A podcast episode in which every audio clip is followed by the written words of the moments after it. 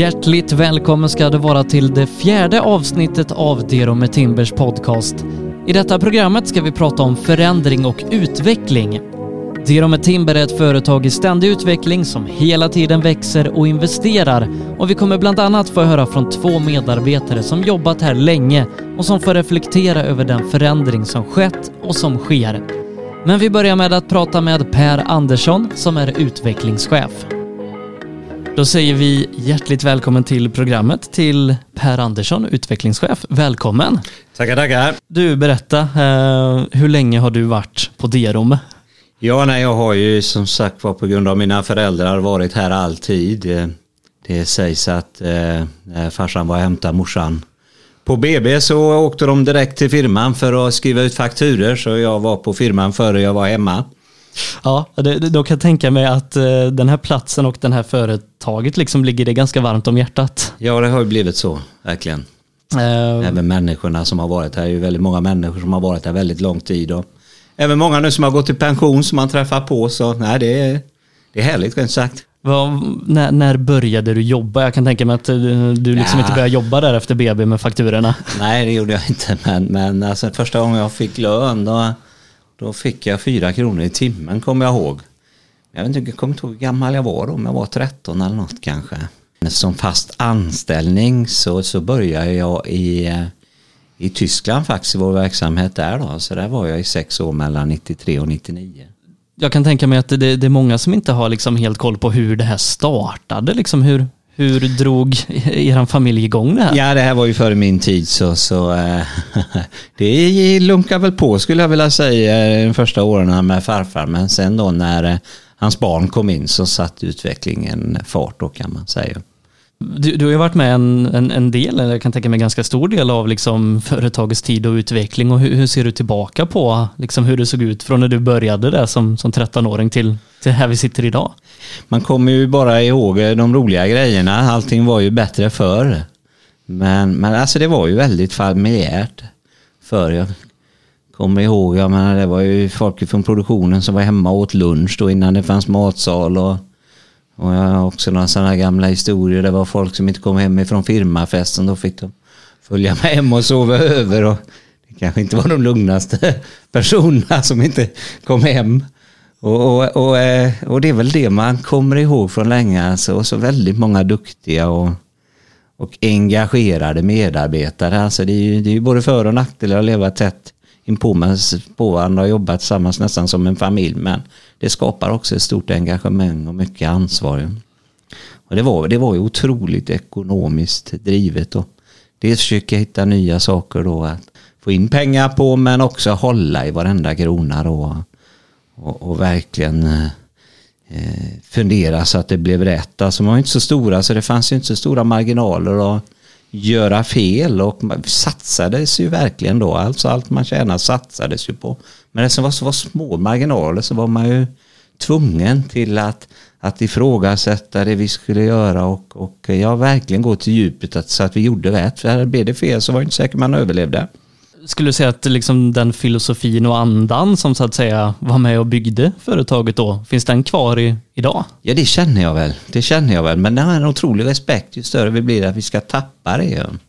Alltså samhället blir ju, det blir ju mer och mer polariserat och, och ja, ju större vi blir, det blir lätt för att man pratar, eh, pratar kanske mindre, mindre sak utan det blir så personligt att Börjar man ifrågasätta så tror folk att man tycker illa om dem eller att, att vi inte ska genomföra det. Och, nej, det, det, det är en väldigt stor respekt med, med, med, med storleken då, att vi orkar hålla den här drivet i ekonomin. För nu går det bra men det kommer komma år som är dåliga också.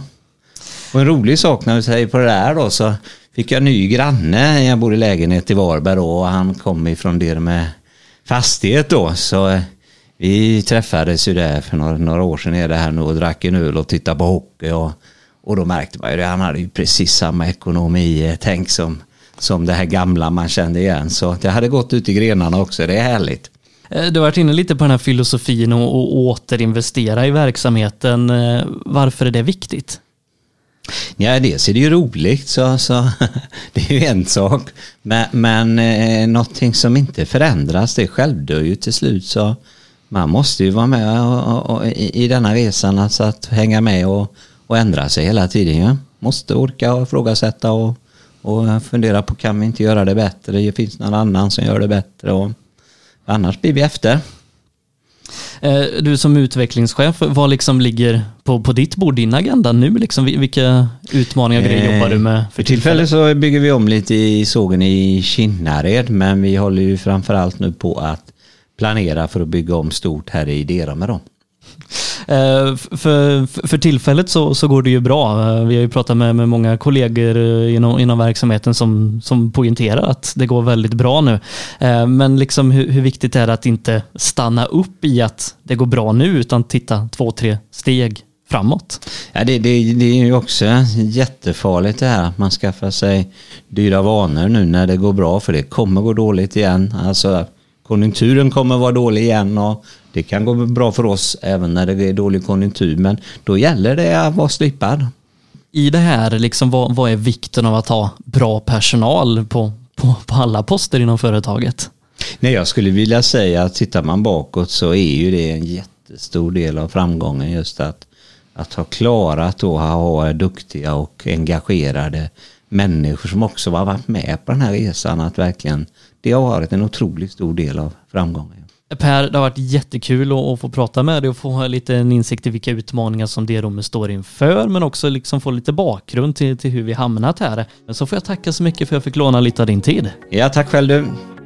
Jens Pettersson har i över 30 år jobbat på anläggningen i Derome och han ska nu få berätta om sina tankar och intryck över den utveckling han upplevt över de senaste tre decennierna.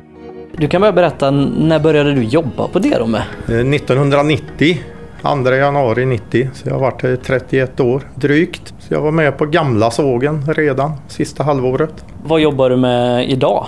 Idag sköter jag torkanläggningen plus eh, panncentralen.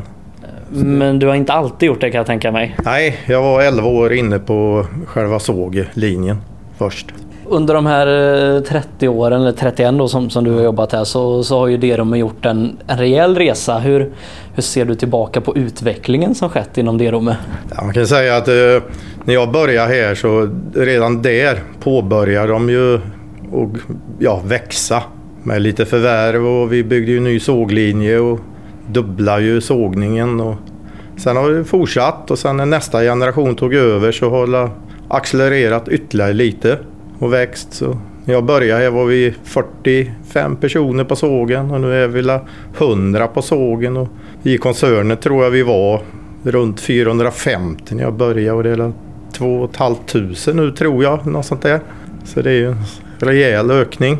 Jag kan tänka mig att väldigt mycket har förändrats under de här åren. Ja, både och. Sågningen är ju sågningen om man säger och torkningen är torkningen nu. Och så det är ju egentligen bara, allting blir förfinat men grundkonceptet är ju detsamma. Och hur ser du liksom tillbaka på att ha varit med under den här resan? Ja men det har ju varit, jag tycker det har varit kul och spännande och ju mer, nu när jag håller på med torkningen och pannan så har jag blivit mer och mer involverad i det vi gör och så. Innan så har man ju mest ja, stämplat ut och gått hem och kanske bara tänkt på sin avdelning. Nu är jag ju lite överallt med en inblick. Så det är kul. Och just att det skett en sån utveckling, är det kanske någonting som gjort att du stannat så länge? Att det liksom hela tiden varit föränderligt och, och nya utmaningar? Ja, man kan ju säga man, man har ju inte hunnit tröttna. Så det, I och med att det hela tiden går framåt. Sen, sen var jag ju väldigt bra för jag bor i byn med så jag går till jobbet. Slipper pendla. Eh, och om det de växer så kanske det blir kortare att gå till jobbet också? Eh, ja, det har det faktiskt blivit lite för nu genar jag över nya parkeringar. Så. Jag kan tänka mig att det utmaningar också att jobba på ett företag som växer så? Eh, ja, det är det ju. Du har ju själv sett när du har gått här ute att vi är väldigt komprimerade på ytorna. Så logistiken är ju hela tiden en utmaning. Och där är jag ju lite inblandad med lagerhållning före torkarna och, och material till pannan. Det, det, finns ett uttryck som är att det var bättre förr eh, och du har ju varit med sen förr kan man säga. Var det bättre förr? Nej, det kan jag inte påstå. Jag tycker allting är mer lättjobbat nu. Allt ifrån maskiner som är stabilare och till ja, det, ja, allting i princip har blivit enklare. Men, men, eh, det är ju inte bara företaget som utvecklas. Ni som jobbar här, du kan jag tänka mig också har utvecklats av att vara med på den här resan. Ja, det har jag. Man växer ju som människa och får hela tiden vara med i processen. Så det, så det, och det kan man ju säga, det är ju ledningen duktiga på att stötta oss. Det kan man ju inte säga annat. Eh, nu, nu, står vi här idag och vi blickar framåt mot den här expansiva fasen mm. som, som du säger.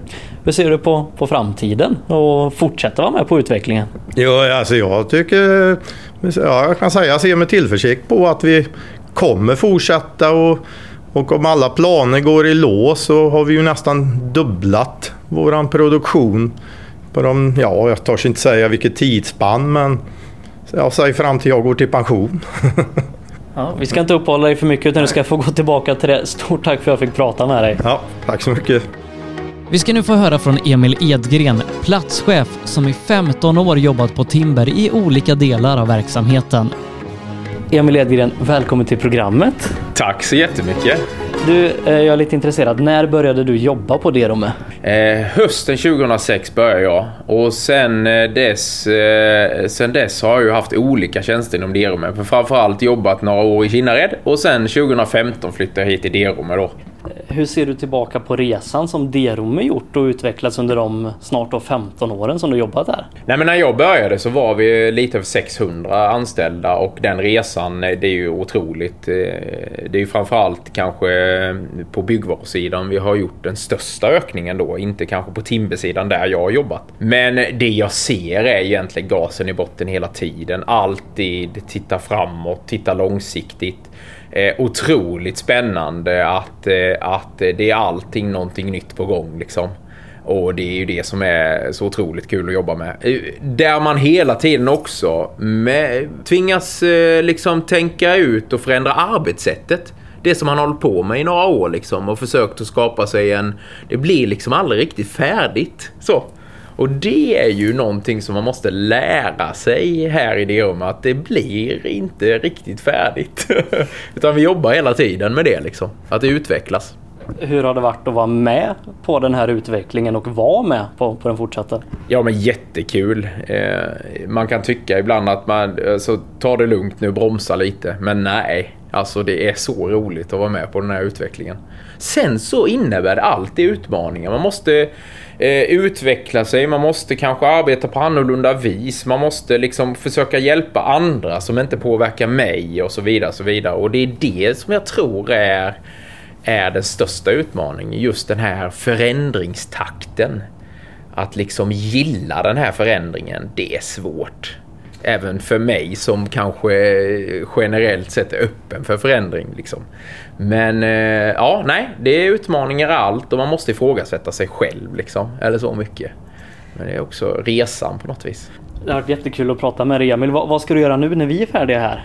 Nu ska jag sitta i en avstämning kring eh, timmerintaget idag. Vi håller på att köpa upp en ny såglinje och jag vet inte hur mycket de har berättat innan men det är ju ett investeringsprojekt på ungefär 400 miljoner kronor då som vi har, ska, ska liksom försöka handla upp här nu då eh, inom en snar framtid. Så det är mycket detaljfrågor kring det. Så jag ska sitta hela eftermiddagen med det egentligen. Du, lycka till med det och tack för att jag fick prata med dig. Tack själv, tack själv. Fantastiskt kul. Det var allt vi hade att bjuda på i detta fjärde avsnittet av Dero med Timbers podcast. Jag, Sebastian Borger, tackar så mycket för att du lyssnat och säger på återhörande.